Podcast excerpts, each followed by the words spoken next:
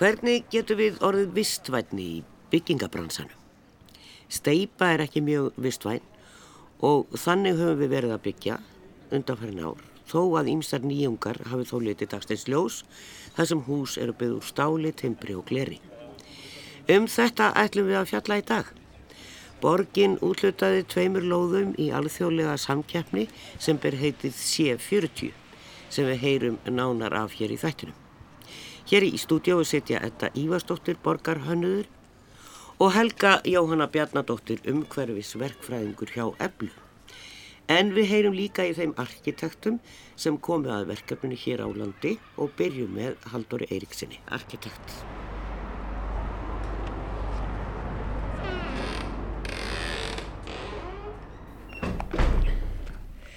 Manni finnst svolítið skrítið þegar að vera að tala um loftslagsbreytingar alla daga og borgarafundur í sjónvarpi og skilabóðin frá vísindamennum. Við verðum bara að gera svo vel að fara að hugsa öðru í sig, ganga öðru í sig um, byggja öðru í sig, hægt að keira engabílinn, fara í strætó og almenningssamgöngur og, og bara breyta okkar lífsáttum og það, fólk verður að fara að byrja á þessu en En það verðist samt einhvern veginn ekki vera þannig þegar maður er að horfa kringu við uppbyggingu í Reykjavík að það sé mikið verið að pæla í þessu.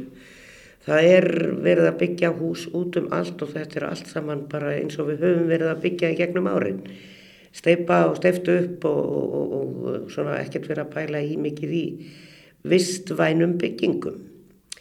Þó koma inn hugmyndir og það var alþjóðlega samkjafni og tvær lóðir hér í Reykjavík basalt arkitektar annars vegar og tark arkitektar hins vegar unnu þar til veluna og ég er nú svo sem minnst af þessa stóru blokk sem er á vegum tark arkitekta e, Malarhafði stendur hér, Ártún Malarhafði þetta er við hliðin á yngvar í þessi húsinni sem að margir þekkja það hér í borginni og, það, og margir hafa sjálfsagt heilt að meiningin er að byggja á Ártúnsáðunum en þetta er einhvern veginn svolítið mikil framtíðamúsik allt saman En þessi blokk sem þeir hafa skiluð inn í þessa samkjærni er úr timbri með grastaki, ákvæmlega skemmtilega teknika sem maður hefur skoðað þessu á netinu og e, náttúrulega áherslu á að þetta sé vistvænt og, og e, en þá hugsa maður líka er þetta þá miklu dýrara eða hvað. Haldur Eiríksson er maðurinn arkitekt sem held utanum þetta hér á hjá Tark og Þetta er stærsta timburhús sem er byggt. Við erum búin að vera að skoða hérna Havró upp í Hafnafyrði, það er fimm hæða timburhús, það er ansið stórt. Þetta er byggt í ring og er svona bara alveg ákala falli bygging, svona það sem maður sér á netinu. Það að fara að taka þátt í svona samkefni, það er, þau eru alltaf með fleirum, það eru hérna, með ykkur franskir arkitektar, Jakob McFarlane, maður hefur nú eilt þetta nafn, landslæga með ykkur þarna svo ebla og það er í flestum tilfellum náttúrulega nöðsilegt að hafa einhverja verkfræðinga með í slíku dæmi, er það ekki rétt? Jújú, jú, það, það er sérstaklega þegar þú ert að fást við, við hérna, orkunótkun bygginga þá hérna, eru þeir kritískir í það að aðstóða okkur við að púsla saman orkunýtingunni og, og, og hérna, inn í bygginguna og sjá til þess að það gangi upp. Og svo náttúrulega er burðaþólið, það þarf að passa að þetta standi uppi uppsetningin á þessari samkjörni er þess aðlis að þú átt að skila raunhafri tillögu sem að einhver er tilbúin að byggja. Og til þess farðu býrðu til teimi þar sem þú ert með arkitekta og í þessu tilfelli Jacob McFarlane og, og, og okkur sem lokalarkitekta uh, þú ert með, með verkfræðinga sem sjá, sjáum alla verkfræðihönnun í bæði til framtíðar og í þessari frumhönnun. Þar vorum við með eblu og annars vegar og svo hérna, ennsk-franska stofu sem skamstöðu EOC sem hefur meðal hans gert, gert flesta af appulbúðunum í heiminum. En þeir eru sérstaklega sjóaðir í, í, í þessum limtriðsbyggingum og eru bara burðaþólsráðgjafar efla sér um orgu og, og, og vistvænina í, í hvað kemur að verka þættinum og svo erum við með landslag sem við hefum munnið mikið með og er að vinna þarna á reitnum í, heldarskipulæginu og landmótun og svo eru við náttúrulega með fjárfesta sem eru tilbúin að fjárfesta í verkefnum og framkvæma það. Og það eru þá hérna, heild uh, undir virðegi á gamma og, og klasi. Og svo Arnarkvall sem er verktakafyrirtæki. Segja um þetta. Þetta eru fjöldi manns og, og, og margt að ganga upp. En þetta C40 Cities, þetta er alþjóðleg keppni og heitir Reinventing Cities, eða City Sites og sem að við þýðum bara að, að endur uppgötva borgina mm. og, og, og hverfi í borgum. Getur við ekki sagt að hver, það, ég sá á, á, fyrst er ég var að lesa um þetta hús og þessa byggingu sem, og þau unnu til þessara verðluna að, að þetta eru margi staðir í heiminum sem að voru að keppa og, og fengu þarna fyrstu velun í, sem hér voru þetta þrjárlóðir, það eru bara tvær á endanum. Hvað er þetta C40 Cities? Sko C40 eru samstagsvettfangur, að ég held 40 höfuborga eða borga, það held að séu borgir ekki bara höfuborgir, sem var stopnað til, ef ég skildi það rétt af, af Michael Bloomberg sem þá var borgastjóri í New York og, og Önni Hidalgo í, sem var þá borgastjóri í París og fengu aðra, aðra borgarstjórn til liðs með sér og fjallar um það að gera borgir vistvætni og til framtíðar. Og þetta er svona hlýðaverkefni þeirra, það er, það er þetta Reinventing City sem er þá samkeppni um það sem að borgir sem eru þáttakendur í C40 eh, leggja fram lóðir sem borgin hefur yfir áður rétt yfir inn í þessa samkeppni og skuldbinda sér á móti að, að, að gefa vinningssaminu tækifæri til að byggja á lóðinni ef að, ef að þegar niðurstæðilegu fyrir. Í þessum fyrsta fasa, nú skilst mér að þessi að fæði að fara á stað núna með aðra, aðra samkefni, endur takja það, en í þessum fyrsta fasa sáum við mjög margar evróska borgi taka þátt. Uh, við sáum nokkrar í Suður Ameríku, nokkrar í Bandaríkjónum, en ég held, ég held, ég fari með réttmál að segja að það var engin í, engin í Afríku og hvort það var eina eða tvær í Asju. Þannig ég svona ímynda mér að menn vilji fara og horfa svolítið víðar En, en þetta var svona fyrsta stökkið og þetta er byggt á tveimur samskona samkjöfnum sem hefa verið haldnar í París. Það sem að um þéttingaverkirni, það sem borgin hefur tekið jafnvel, sko, vannýttar eða ónýttar byggingar eða lóðir inn í hverfum víða um París og haldið það samkjöfnir á þessum fórsöndum að framkvæmdaraðilinn fær þá lóðina til framkvæmdar ef hann kemur við tillögu sem er sem styrkir nærumhverfið. Og það er grunn hugmyndin er, er að þú komi fram með tillögu sem er vistvæn. Það er bara grunnfórsenda þeir eru með tíu punta sem þú þarf ekki á. En hún er líka sko hún er líka sjálfbær félagslega að því leiti að þú ætti að að fara og greina nærumhverfið sem þú ætti að byggja inn í. Hvað vandar, hvernig styrkjur þetta hverfi og þessa hvaða infrastruktúr vandar í hverfið sem þú getur bóðið upp á og svo þarf hún alltaf fjárhagslega að standa undir sér þannig að menn þurfa að standa með sinni tillögu bjóða þá verð í lóð og, og, og leggja fram kostnar á allir um framkvæmdina sem er all hluti af, af matpakkanum mm. og þetta við gengið í París náttúrulega misvel eftir lóðum hvort að menn höfum við tekist að byggja þetta upp eða ekki en þetta hefur tekist nóga vel til þess að menn voru tilbúin að fara með þetta á, á heimsvísu Já. og nú er náttúrulega verið að reyna að íta á yfirvöld í þessum borgum sem tóku þátt að hjálpa til við að tryggja að sem mest að þessum verkefnum sem komu út úr þessari samkefni núni í vor verða veruleika.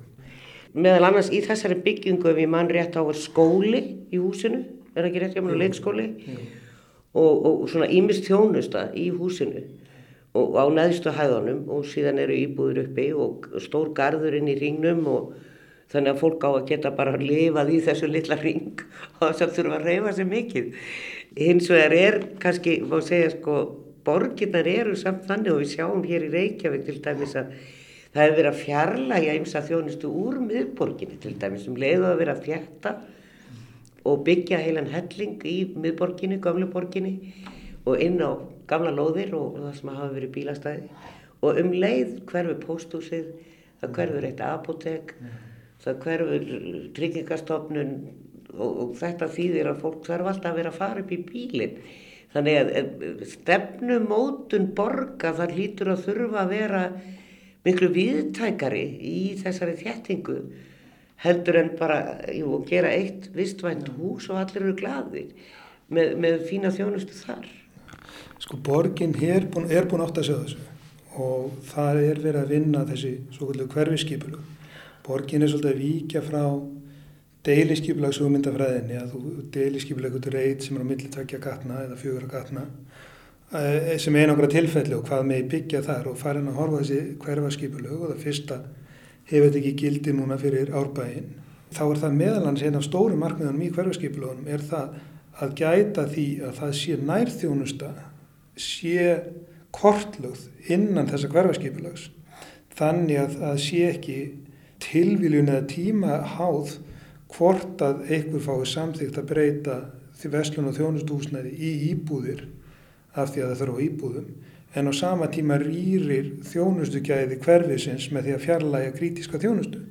Svo eins og í þessu skipulagi sem er náttúrulega þannig að skipulega ártúnið sem alveg nýtt hverfi við erum náttúrulega með heilmikið af þjónustu upp frá, bara frá gamla Íslandsra aðvertaka á húsinu og þeim, þeim komplex niður fram hjá húsgagnahöllinu og svo niður eftir öllu er heilmikið af vinnustöðum. Og það er sterkar strætósangvangur í ögnumlinginu en svo svona þinnist þetta út þar sem hún fer nær, nær sjó í allar áttir og verður svona frekar vannýtt yðnar uppbygging og ég vil bara móar og melar. Þetta er mjög, mjög illa nýtt hverfið þannig að það er, það er mjög gott að sjá og það er, það er ofsalega tækifæri og ofsalega mikið hægt að byggja þarna af íbúðarhúsnaði sem þar alveg stittir allar boðleðir innan borgar og þess vegna fannst okkur þessi lóð áhugaverðust af þessum þremu sem, sem borgin bauð að því leiti að þannig eru, að það er náttúrulega ákveðin grunnfólksendir að borga, borgarlína, að borgarlínu stoppi liðin á húsinu.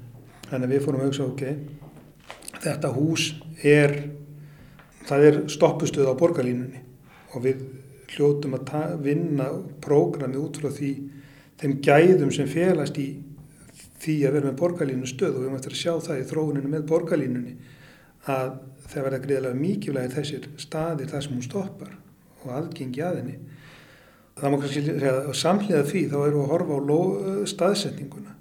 Það má segja að þarna eftir og kemur við ellega orðnar þá breytist borgarlandslægið frá því að vera borg yfir í landslægi borg. Það er verið með ellega orðnar við erum með, með ellega dalin upp í Víðital, við erum með strandlengjuna og, og svo inn, inn í Grafavóin þannig að það fer að vera meira svona útkverfarskipla það er svona knippi eða þjettbíli sitjand inn í einhverju landslægi þannig að þetta verður eins konar þröskuldur á milli taktbreytingar í borginni frá lögadalskverfinu yfir, yfir vogana og svo þarna yfir. Áhuga á þessi bygging verður eins konar þröskuldur þar á milli og þá sama tíma svona þröskuldur á milli landslags og borgar. Og sem maður finnur svo stert sko þegar maður, þegar maður lappar þennan súræðiliska stað og þess að lappa undir ártúnsbrekku umferðamannverkin og, og, vita á lagsinum og sjá jápil lagsveiði menn þarna undir. Og bara bílana drinjandi yfir. Það er eitthvað, það er eitthvað ofsalega sérkennleg og sjarmirandi mörg millir náttúr og borgar á þessum stað. Þetta er svona svolítið bara aftur til fortíðar af vissuleiti, þetta er svolítið hýpakendar hugmyndar sem við erum að hugsa um í dag að því við verðum að breyta. Og það er bara tuggið á þessi hverjum einasta frettatíma hættið að keira bílinn, farið í strætt og það er rosalegur útblástur í, í borginni. Mm. Mér dettur í huga því að þetta er á, á lóð malbyggun og stöðuvar Reykjavíkur mm. og sem að malbygg er náttúrulega bara tjara og, og bara rosaleg mengun einhvern veginn fylg manni. Er þarf ekki að reynsa upp allan þennan jarðveg þarna áður en að eitthvað er gert? Jú, það er alltaf menn eftir að, að, að skoða, taka jærveg sín og skoða ástandi á jærveginum. En það er hluti af, af, af skuldbindingum borgar en að ganga samkjöfnir að segja að borginn segir við tökum að okkur að skila hreitni lóð. Við, það, þið fáið frá okkur lóð það sem búið að reynsa og sé í lagi. Annars sem við, og það skiptir náttúrulega sérstaklega miklu máli fyrir tilvöðin eins og við leggjum hennu upp og landslag var búið að kortleggja að sko það er, eru svona ofanvarslausnir í hverfinu, það er ekki sett í stokk. En það þýr að það þarf að reynsa það á leiðin að hann fer út í ellegaðunar. Þegar við áttum okkur loðin að sá hún og hún, eins og borginaði skilkendana lendi beint ofan í þessum sé árfarveginum sem verður í gegnum, gegnum allt hverfið og, og leiðin út í ellegaðunar. Og fyrst voru við svona velta fyrir okkur hvort að við getum ekki flutt þetta einhvern veginn og en niðurstaðan var svo bara svo við tökum þetta hérna, vatn bara í gegnum, gegnum gardin látum það spera sínlegt í gardinu þar sem það rennur í gegn þegar rignir, svo er það setni tíma eða svona vangaveldur hvort að við ætlum að hafa þarna viðvarandi alltaf tjötn eða hvort það verða tjötn bara þegar rignir mikið. Og en, en þetta verði eins konar stoppustöð fyrir regvatni þar sem það kemur flæðandi ofar úr hverfinu og þannig niður í áttaði ellanum og svo eru tjarnir fyrir framannhúsið líka sem stoppar það mm. til, a, til að taka úr því hérna, helstu mengunavalda. Þetta er svona svipaður gerður til dæmis í Örðaholtinu, getur ekki sagt það. Já, já, og hann var slösnir. Það er svolítið í þetta, hefur maður einhvern veginn á tilfinningunni, en það er samt verið að tala við okkur um að við þurfum að vera búin að breyta alveg heilmiklu á tíu árum. Mm. E, Serðu þetta verið komið eftir tíu ár, þetta hverfi og, og þetta nýja hús? Í það er ekkert sem á að stoppa það, það er ég held að þessi 2021 sem að borgarlínan er á áallinu það að koma hana og ég menna við ættum að, ja 22 kannski. En ég meina ef við ætlum að vera komnir og tilbúinir að nota borgarlínuna þá þurftum við að fara að hanna núna bara í vor. Þannig að það er ekkert svo langt sko en, en það sem við mögum ekki gleyma varðandi ef við erum að horfa bara til, til 50 ára þá eftir 50 ára verða 75% af þeir húsnæði sem við erum þegar í en það er notkunn bæði í raun og það sem bætist við er í raun og veru sára lítið með að við það sem við þegar setjum uppi með. Það er um að gera sem fyrst að fara að breyta, breyta um, um, um taktík í þeim húsum sem við erum að byggja ný en við þurfum líka að huga því að við þurfum að bæta orkunótkun þegar byggingar sem þeir eru byggðar. Og það er náttúrulega njótu við á Íslandi kannski þess að, að, að orkunótkunin er vistvæn, grunninn okkar orka er góð Það er full ástæði til að fara að huga byggingarefnunum og horfa á það hvernig við getum lámarkað nótkun mengandi byggingarefna. Sagði Haldur Eiríksson, arkitekt hjá Tark. En þess má geta að umrætt bygging er 2500 fermetrar, hvorki meirinni minna. Þetta Ívarsdóttir borgarhönnuður hjælt utanum samkjafnina hér á landi og Helga Jóhanna Bjarnadóttir umhverfisverkfræðingur hjá Eblu kom af báðum þeirra. Velkána báðatværi. Eh, kannski fyrst þetta, þessar lóðir því það var einu önnur sem ekkert kom og það var nýra á skólagötu neðan við frakkastígin sem hann er fyrst einhvern veginn heldur ekki vera lóð eins og upp í lámúla en eh, af hverju kom ekkert á þriði lóðina? Það er engin áhuga á því? Um, það var, við erum alltaf bara mjög stránga reglur sem fylgja samkjöfninni og það þarf að rauninni sína fram á að teiminn hafi lagt fram þá vinnu og rauninni náða að koma til móts við þá skilmála sem að sam, samkjöfni setur.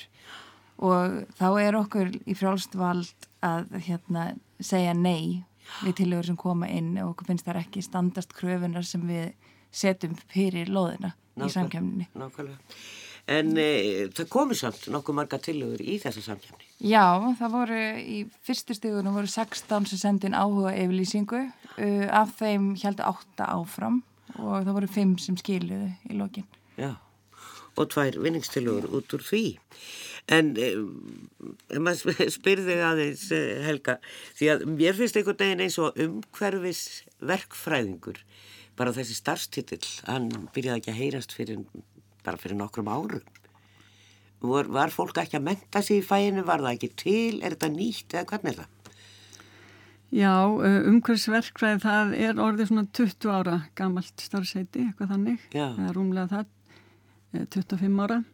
Og umhverfsverkfræðingar þeir vinna í rauninni að lausnum eins og allir verkfræðingar lausnum við það að, að dragur umhverfsáhrifum Uh, og, og þá dragur loftslasárum, dragur uh, magna úrgang sem meðhandla úrgang, meðhandla frárensli og, og þess aftar og um, þetta er svona sprottið upp úr byggingaverkfræðinu hefur síðan uh, þróast eins og bara öll umræða um umhverfsmál þannig að það er miklu meiri áhersla á þennan málaflokk núna heldur en var. Já, eh, þegar við erum að tala um þessar blágrænu lausnir á, á, á yfir, yfirborðsvatn og þegar maður er að reyna að skýra þetta út sem leikmaður fyrir fólki þá horfir fólk á mann í fórundran og heldur um að sé að tala um skólpið. Mm -hmm. þetta er bara regnvatnið sem átt er við. Þannig að það er ekki að fara hún í einhver ræsi.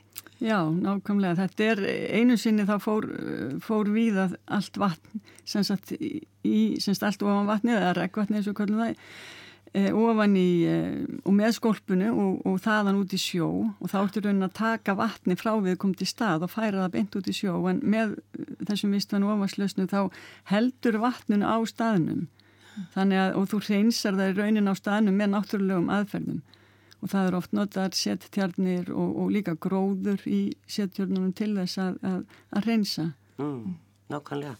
Þetta er svona bara, eins og ég myndist þarna á Urðahostið í Garðabæ okay. sem er byggt svona doldið upp á hól og mm. manni finnst einhvern veginn að þetta sé kannski þægilegur ef það er brekka.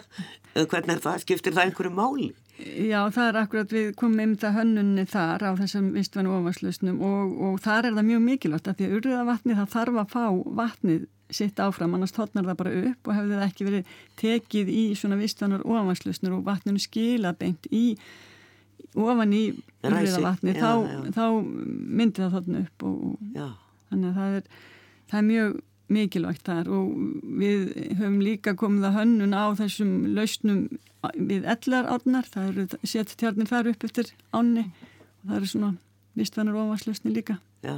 Það er eitt stærsta samstagsverkefni millir borgarinnar og veit, veitna núna að nýta þessa blákarinn ofanslausnir í flestum verkefnum eða öllum verkefnum í rauninni já, já. við götur og torg. Menni finnst nú alveg sko þetta, hann myndist nú á það hann haldur líka hvað þetta væri sérstakur staður og svona surrealistiskur í rauninni þegar maður kemur hérna að elli ánum út að koma út úr borginni og það breytist landslægið og allt það. Við erum með þannig náttúruna inn í vógin og dalinn og, og svo sér maður alltaf einhver kall veiða þarna undir brunni og, og það er skriðið umferðin brunar þarna fyrir ofamann og svo er mikill mengandi yðnaður þarna á þessu svæði eins og er. Þarna er náttúrulega þessi e, malbyggunarversmiðja, þarna er líka verið að framlega steipu, mm -hmm. þessi stóru og Björgun er náttúrulega búin að vera þarna með sínar en þeir, ég veit ekki hvort þeir eru farnir en eiga að vera löngufarnir. Þannig að eh, það er mengandi innaður þannig að alls það er í kring. Þetta er sérstaklega staður í borginni. Þannig að það er, og það eru margir útlendingar sem tala um það þegar þeir koma henga og koma þarna inn eftir sem að gera nú kannski ekkit allir en þegar þeir keir út úr bænum að þá finnst fólki þetta mjög skrítið að sé þetta veiða þannig í miðri borg. Þetta er virkilega varðveislu virði þessi staður. En það hefur einmitt verið reynsa vatnið þannig að, þannig að þú nefnir þessi mengandi starfsemi, þá hafa verið gerða mikla kröfur til þessara fyrirtækja þarna og, og þau hafa, það hefur verið reynsað allt vatn sem kemur þarna og við mælum ekki einhverja aukna mengun í, í settjórnunum þarna, sem þetta er sem, á þessu svæði, þannig að... Já, þannig að þetta er reynsað. Þegar, þannig að, en jarðvegurinn þetta til dæmis eins og undir undir eh, Malbyggunarvæsmiðunni áfara að byggja vistvænt hús eh, er þetta mikið mál að reynsa þetta upp? Ég myndi ekki tellja að væri mikil mengun hérna í dag en það Nei. þarf náttúrulega að rannsaka það og, og að því að þetta, þetta er asfalti sem er notað hérna, það er bara í lokuðum kerfum og töngum og er blandað í malbyggið og síðan er það bara lagt út á götunar, það er ekkert skilið eftir á lóðinni, þannig. Nei, það er ekkert að leka einhver tjara þarna onni í erfiðin. Nei.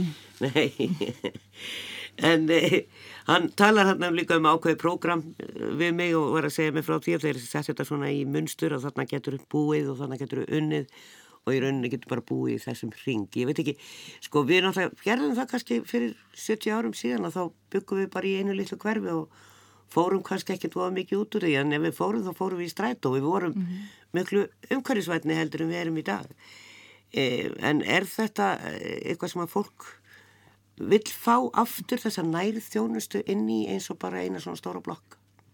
Ég held að það sé nú frekar að fólk vilji fá nærið þjónustunum bara inn í hverfin og það er þá mikilvægt líka að halda í þessa litlu kjarnar sem eru í hverju hverfi og ég raun og verið gæti þetta hús þarna á orðtónsöðanum lifandi landslag gæti orðið slíkur kjarni í rauninni en það er mjög mikilvægt líka að þetta sé ekki bara fyrir íbúðana í húsinu heldur sé þetta opið fyrir aðra og það er einmitt sem þeir gera mjög vel í þessari samkjöfnistillögu að þetta er þjónusta fyrir allt hverfið og jáfnvel borgina alla.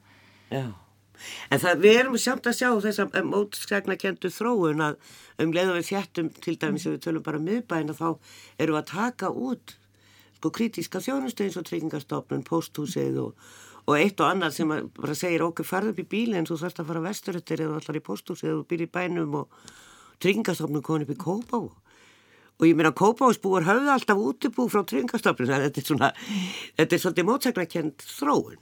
Já, ég held að það sé nú ekki út af því að þetta er byggðar sem þetta gerist, þetta er alltaf ríkistofnun og það já, er bara já, tekin já. ákverðin um það á öðru leveli. Hins vegar þá hefur við séð þá þróun í borgarinn nálátt okkur að þjónusta eins og svo sem tryggingastofnun veitir er að færast meira inn í ofinbæra byggingar eins og bókasöfn til dæmis. Að þú getur sótt passaðan á bókasöfni og ég sé þá þróun algjörlega gæti orðið líka hér. Sýstum aðeins náttúrulega komin hérna líka inn í, inn í. Þannig að mm. það, er, sko, það þarf að huga mörgu við þessa þjættingu sem á að vera meðal annars til að minga umferð. Mm. En við skulum uh, fara að snúa okkur að basalt arkitektum en eins og fram hefur komið þá voru tvær vinningstilugur annars vegar hjá Tark arkitektum sem að Haldur Eiríksson var að segja okkur frá og síðari til aðan frá basalt. Hér erum að ræða lóð sem er virðist í fljótu bræði, ekki vera neitt voðilega stór og hún er við Söðlandsbraut, við hótt kringnumverabrautur og lögavegar og ég bendi hlustandum á að slá inn basalt.is og sömulegist tark.is þar sem ættir að skoða myndir af þessum tekningum.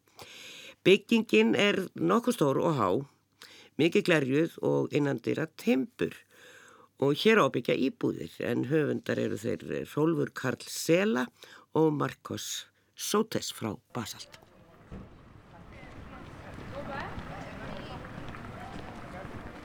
Þó manni finnist kannski ekki lóðin stór fyrir neðan uh, lámúlan, þarna sem að heimsverðir eru það ekki, eða úr, úrval útsýn.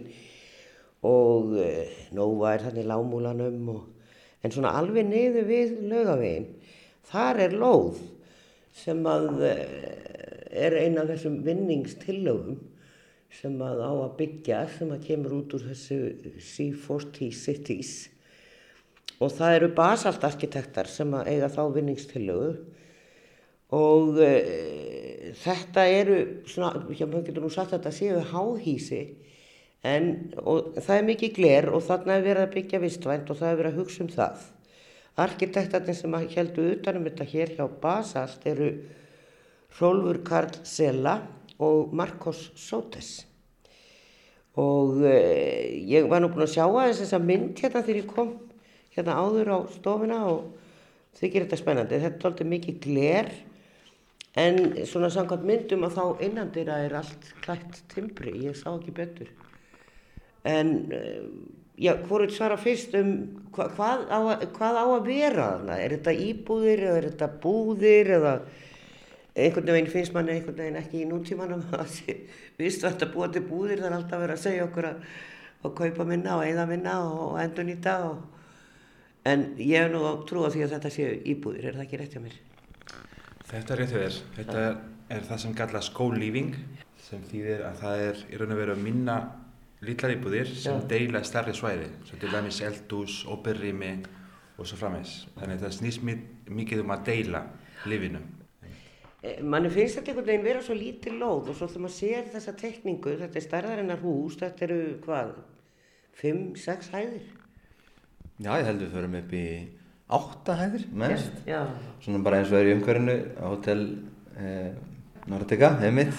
Það hefur breyst svo oft um nafn að það ekki eiginlega. En það er áhugavert sem hún segir um lóðina þetta því að hún virðist mjög lítið, það er alveg rétt. Og, og fólk leita ekkert alveg á þetta sem lóð lengi vel út af því að þessi staður í Reykjavík er svo sérstakur vegna jarðhittans sem er hérna undir jörðu niðri og lengi voru, voru sérst öll hotnin hérna í kringum þessi gatnamót frátekinn fyrir framtíðar borhólur því sem er núna veitna sem að er einmitt ástæðan fyrir að þessi lóðu var valinn vegna þess að möguleika á tengingu við vistana orkuðu samgöngur og, og, og svo framvegis. En núna með breytingum í borunartækni það þarf ekkert allt þetta lóð að vera frátekið þegar menn geta borað á ská og allavega þannig að það var tími til komin að breyta þessu eðilandi þannig að við kallum áttir í alvöru lóð. Er þetta þá, sko, þetta er eh, lóð í eigu Reykjavíkuborgar, þetta er ekki lóð í enga eigu? Emmett, það er rétt, það er Reykjavíkuborgar sem er lóðina og ákveði að fara í þessa leið, þess að sangefni í C40. Hvað voru þið að hugsa svona í byrjun þegar þið ákveðið að taka þátt í þessari samkefni? Hvað ætlum við að byggja? Hvað fóruð þið að tala um? Við höfum alltaf verið mjög óbyggð fyrir program en það komið svolítið snemma í ferlinu. Um að co-living var eitthvað sem var mikið þörf fyrir í Reykjavík. Og þetta var frábær lótt til þess vegna stafsendingunum svo mitt bær svolítið, það getur virkað mjög vel. Svona co-living já, að nýta uh, sameinlegt eldhús og, og, og, og svona stærri svæði. Mm. eh, heldur að reykvikingar og Íslandingar séu tilbúinir í að breyta lifnaðráttum. Þeir eru báður ungi menn mm. að bara fara og búa þannig. Við erum svona að verða miðaldra. Ég hef trúið því að, að næsta kynnslóð takir þessu mjög opnum huga. Já. Ég hef svona, já, ég trúið því að þau takir við þessu græna kefli og gerir það allarleið. Og ef við skoðum aðeins bara húsið í hildsinni þá er þetta raun og veru þrískipt að það er þjónust á verslun á jarðhæð, ráðgerð, skrifstofur í þar fyrir ofan og samhliða því semst svona co-working rými þar sem að til dæmis þeir sem búa saman hérna í þessum litlu íbúðum deildum rýmum geta líka farið og unnið. Og hildaröfumundin fyrir húsið allt er raun og verið svo að, að öll starfsemi sem að kemur hérna inn á að vera einhvers konar heilsu tengd starfsemi eins og til dæmis eh, lagna miðstöð, sálfræði þjónusta allt svona sem snýra því að að heilbröðum lífstíl og að bara bæta líf og helsu fólks almennt. Þannig að við sjáum hvernig raðast í það en, en það var allavega svona upplegið sem að, sem að var við höfum til hlýðsjónir. Þetta er mjög mikið gler og, og svo tympur innan dýra. Uh, það er lítið steipa. Þetta er raun og veru tímburbygging. Þetta er tímburbygging? Já, við notum það sem kallast uh, krosslýndar einingar eða CLT sem eru sem sagt tímbur sem er bæði struktúrburður og líka sagt, áferð innan dýra. Já, er, er það svona límtrið, getur við sagt það? Límtrið, já, já, einmitt, einmitt. Þannig að þetta er mjög vissvænt og það sem er gott með þetta efni er að sagt, þá mingar eh, frangvenda díma, töluvert og já, gerir þetta vissvæna. Einhverjar aðrar vissvæna lausnir í samband við til dæmis, nú er tala margir um ofanvarslausnir, er það eitthvað sem hægt er að gera á, á, á svona stað inn í miðri borginni? Já, algjörlega. Og þessi lóð og þetta, þessi hugmynd fer náttúrulega í gegnum C40 og C40 leggur upp með tíu mismunandi atriði sem snúaði vistöldni hönnun. Og til þess að ganga vel þessari kefni og til þess að vinna hana þarfum við að skoða öll þessi tíu atriði vel. Þannig að ef við rennum í gegnum til dæmis skýsluna sem við skiljum þá má sjá að til dæmis blágrannar og hlausnir eru notaðar. Við erum nota nýjungar í loftræstikerfum við erum að nota e, gróður hús inni og það er svona bara ímislegt nýtt sem að kemur til sem að sést vel ef að, að blaða í gegnum skýrsluna. Þetta er spennandi, þetta er fallið bygging og, og, og eins og ég segi, hún er svolítið stór en hún er mjög svona gegnsæð út af því að hún er öllu gleri einhvern veginn þegar maður er að horfa á hana eða maður er að sýnist það á myndunum. Það sem sést kannski og er svolítið kennilegtið fyrir bygginguna er þetta, eins og þú segir, glerband sem rennur í gegnum bygginguna sem við kallum green ribbon sem er eitthvað skonar gróðurhús sem er innan dýra og býr til þessi flæði gegnum bygginguna og um leið býr til mismunandi mismunandi móleikar fyrir gróðurhús. Stundum erum við með trópísku garður, stundum erum við með laknagarður og svo framvegis. Já, það er mikið grænt þarna bara eiginlega í miðju húsinu, fennlega, sem var horfir á bygginguna, á tekníkuna. Mm. En er þetta eh, ódýrara, en, en sko það er alltaf styrtri byggingatími, þetta tekur mm. miklu skemmri tíma, spara peninga, mm. en annað? Sko, við höfum nú þegar á stofunni klárað þrjú CLT hús, eða ekki? Þrjú, þrjú eða fjögur CLT hús. Og erum með eitt í hönnu núna og svo þetta í kjölfræða því. Og ég myndi ekki segja að þessi byggingamáti var endilega ódyrari fyrstum sinn en ef maður horfið til langs tíma og reiknar umhverfis kostnað bygginga þá er þetta klárlega betri kostur heldur en steipa það þýr ekki bara að horfa á kostnaðin sem er í upphafi heldur til framtíðar Eru komnir fjárfæstar í að byggja þetta hús? Er áhugi hjá verktökum? Við unnum þetta verkefni með uh, fleira aðlum. Komum þar að reygin, fastegnafélag, landmótun og ebla og reygin mun koma til með að sjá um þennan þátt, að gera þennan þátt áfram og ég veit að það hefur nú þegar verið nokkur áhugi um að, um að setja staði þessu húsi en sem stendur er samninga verið í gangi millir reygins og, og Reykjavíkuborgar mér skilist að loðalegu samningur líka á borðinu og það sé bara að vera að klára síðustu atriðin þar. Þannig að þetta er mögulega bara að fara í gang á næsta ári? Eh, við þurfum að byrja því að fara í deilinskipularsvinnu eins og alltaf og hún tekur einhver tíma en séðan í kjálfærað henni ættum við að geta hafið standa. Ég spyr þá bara af hverju er ekki búið að deilinskipulegja ljóðuna ef að, ef borgin er að láta, leggja til þessa lóð um í þessa samkjöfni? Hverju er það verkefni ekki bara búið? Við, við skoðum þessa lóð með Reykjavík borga mitt á sínum tíma og ég held að þegar svona samkjöfnir eru haldnar sem að eiga að vera mjög svona framtíðar miðar og, og nýjunga, nýjungar og, og nýja lausnir það sé bara betra að hafa frekar reynd blað til þess að vinna út frá heldur en að tekna sig inn í eitthvað fyrirfram móta deiliskypulega því að þannig koma kannski bestu og, og hvað var að segja, ferskustu tilögunar mm. til og sen er bara deiliskypulega unni út frá því sem að vinnur. Það tekur tíma, allt það, við gerum okkur grein fyrir því en samt að það sé betri aðferð heldur en heldur en hér. Já, hitt getur takmarkað að einhverju löti og þá þarf mjögulega að breyta þessu til deiliskypulagi ef að hugmyndin fellur ekki inn í það. Akkurat, já, já. það getur jáfnvel bara kostað meiri tíma á vinnu. Já, náttúrulega. Svona kannski í lokin, af því að maður hugsa um, sko borgarlínan kemur náttúrulega hann að nefndir mm. og bara alveg við þetta hús og eh, af því að þetta er lögafeg og söðurlandsbrönd og þetta er, erum við ennþá að löga við að Suðurlandsbröð, ég rugglast alltaf þannig hvar breytist nafnið við erum allavega í þeirri götu mm. uh, og svo er kringlumýrabröðin sem er náttúrulega umfyrðað þú gata mm. sko að byggja vistvænt hús alveg onni kannski menguðstu staði borgarinnar er það já, hvað, hvað maður segja, er það ráðlegt? Ég held að þetta sé bara kjörinn staðar til þess að byggja svona hús. Eins og þú segir, það er rosalega mikil umferð um svæðið og þá margir sem að koma til með að sjá þetta, það sem við viljum að sé tákn nýra tíma í byggingarafyrum í Reykjavík og garðurinn hérna sem er á móti, þar sem að borhölunar er í dag, hínum hefur göttuna, þar eru við að ráðgera töluverða gróðursetningu, svona algjörðan skó, við séum það á myndinum og það gefur kemur til með að aðeins að berjast við þessa mengun sem er að mynda þarna á gatnamótunum.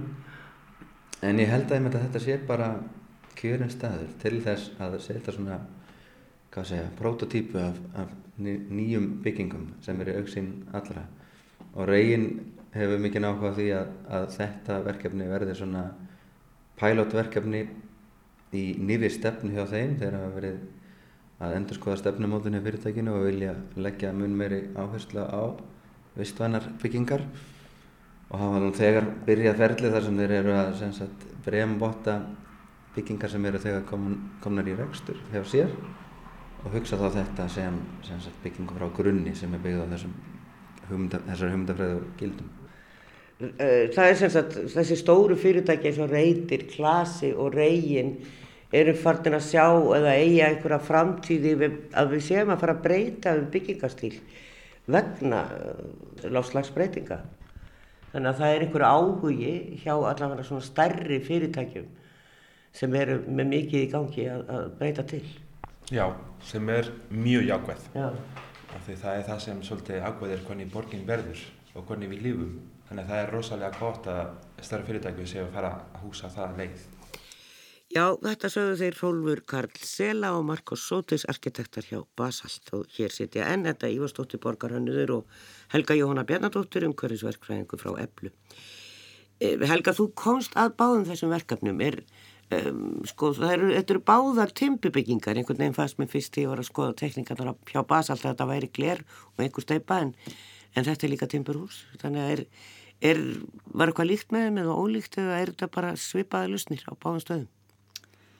Sko í báðum tilfellum vorum við að svara áskorunum sem eru í þessari kjætni og það var eina áskorun sem við hefum aldrei þurft að svara áður og það var að byggingarnar eruðu sem næst kólefnis hlutlausar og kólefnis spór svona bygginga er saman sett úr, úr, úr því að 40% af spórinu er frá byggingar efnunum og um 20% frá, frá hérna, byggingatímanum og síðan 34% eitthvað þannig frá hérna rekstartímanu sem við reknum það yfir 60 ár. Og, og síðan er afgangurum við, við lók líftímans þegar verða að rífa niður bygginguna.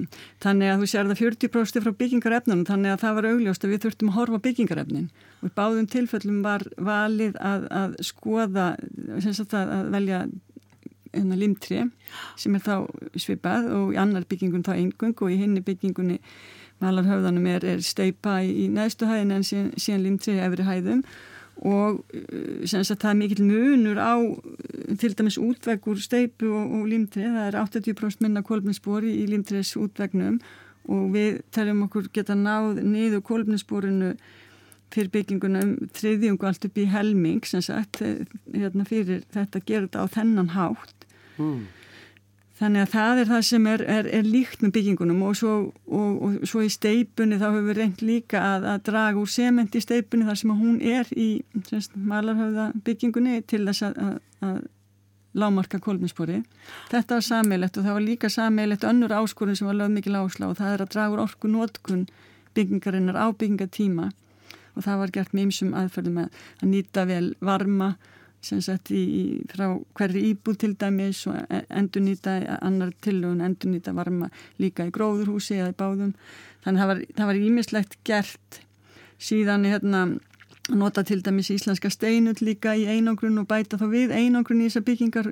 Þá komið ljósa að íslenska steinullin er með mjög látt kólmispor með við aðra einangrun, önnur einangrun efni þannig þetta var allt sem hann valið inn í, inn í þessar báðar byggingar uh, og, uh, og verktakarnir sem komað hérna þessu, þeir uh, vilja líka leggja sitt að mörgum að draga úr kólfnisborinu á framkvæmda tíma Já. og sammeilegt var líka að þær munu báðar fara í svona svo kallar vistvottun og, og það er náttúrulega vist væn hönnun í, í báðum byggingunum og þá er lögð áherslu á marga aðra þætti líka eins og til dæmis hilsu og velíðan og, og samgöngur Víslan samgöngu báða líka þessar byggingar náttúrulega við e, borgarlínuna þannig að það verður mjög auðvelt að, að, að hvetja til hérna, víslanir samgangna þarna. Já, nákvæmlega.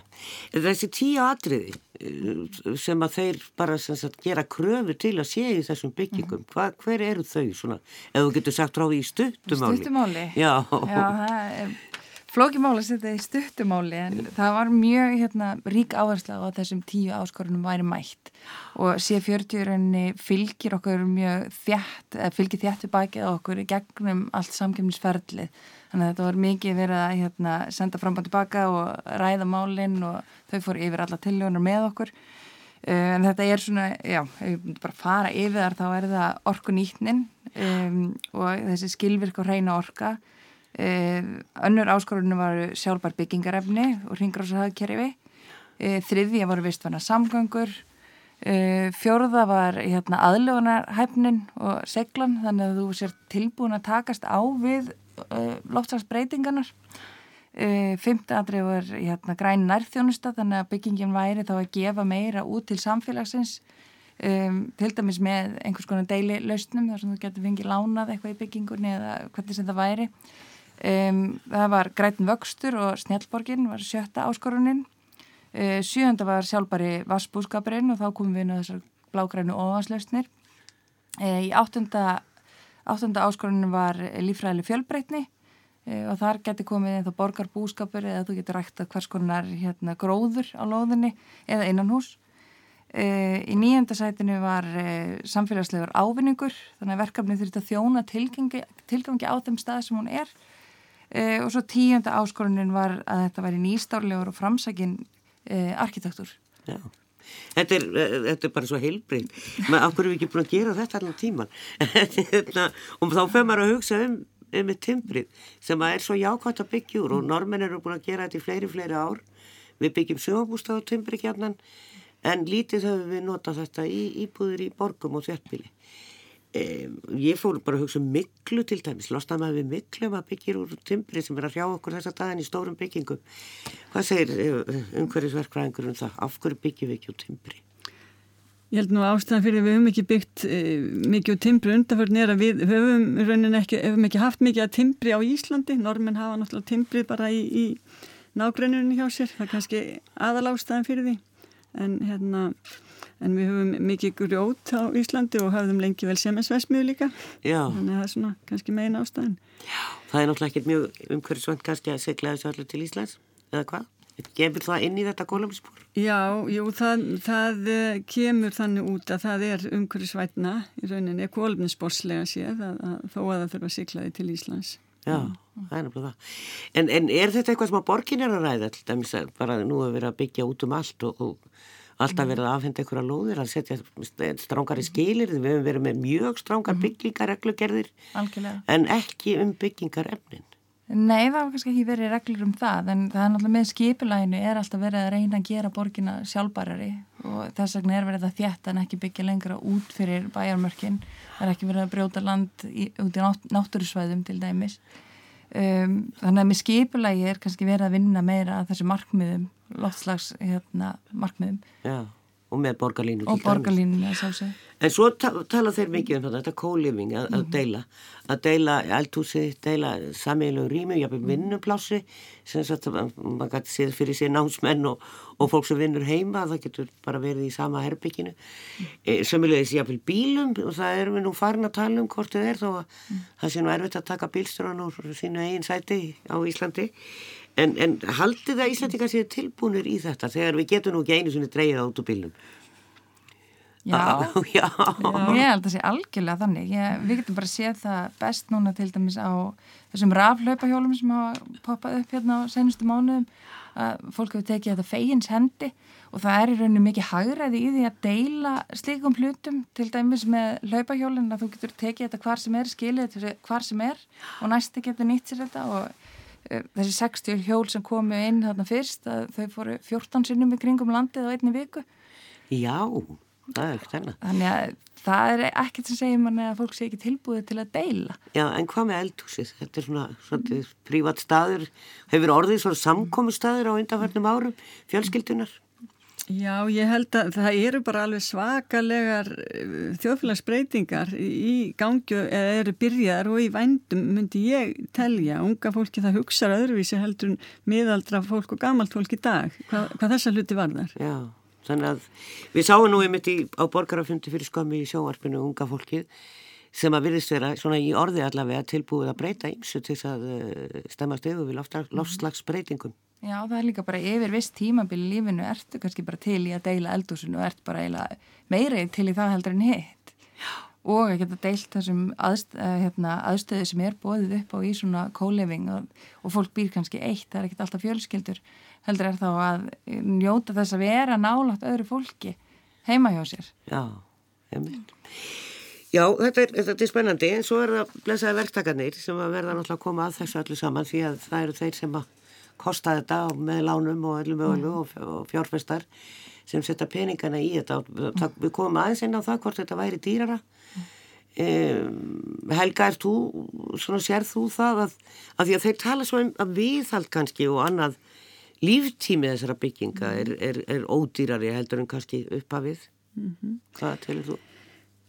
Já, svona byggingar sem eru hannaðar með alla líftíman í, í huga, eru, það, það er sérstaklega verið að horfa til þess að velja endingagóð efnu, endingagóða lausnir sem á þá að draga úr viðhalstörfin og þannig er, er það líka umhverfisvænt og, og mér finnst verktakarnir vera orðni mjög móttækilegi fyrir breytingum og, og það eru nokkra byggingar í gangi semst í, í byggingu núna þar sem er, er stemtað svona vist vottun og verktakarnir taka bara mjög vel við sér í þeim framkvæmdu Já, og er... margt hægt að gera og, og, og, og hérna til dæmis Erlend eins og í Oslo þá, þá verður gerð krafa núna 2025 að allir bygginga eh, vinnustæðir verði kólumins hlutlusir Og, og mér finnst alveg líklegt að, að það verði einhver þróun í þess átt hérna á Íslandi líka í, í svona nánustu framtíð að, að við erum eftir að sjá miklu minni ólíunótkun líka í byggingaframkvöndunum.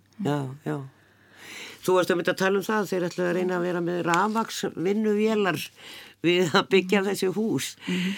uh, og það er nú ekki búið að finna þetta stóra batteri sem að kemst í þess að tungu stóru bíla sem þurfa svo miklu orku. Jú, jú, það eru til, það eru orðnað til svona vélar, við sáum það í Oslo núna í vor þegar við vorum einmitt á, á þessari rástefnu C40. Já. Það voru til síni svona vélar, þetta er alveg til þetta er alveg til. Já.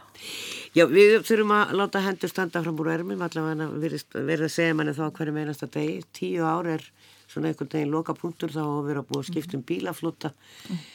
Já, og við þurfum að fara að byggja öðru í sig og lifa á allt annan hátt. En við getum allavega sagt að borgarlína verður mjög, líklega komin eftir tíu ár, þó svo margir sjóðarnir langegir eftir því að það breytist. Þetta Ívarsdóttir Borgarhannur og Helga Jóhanna Bjarnadóttir umhverfisverkfræðingur hjá Eblu. Takk fyrir.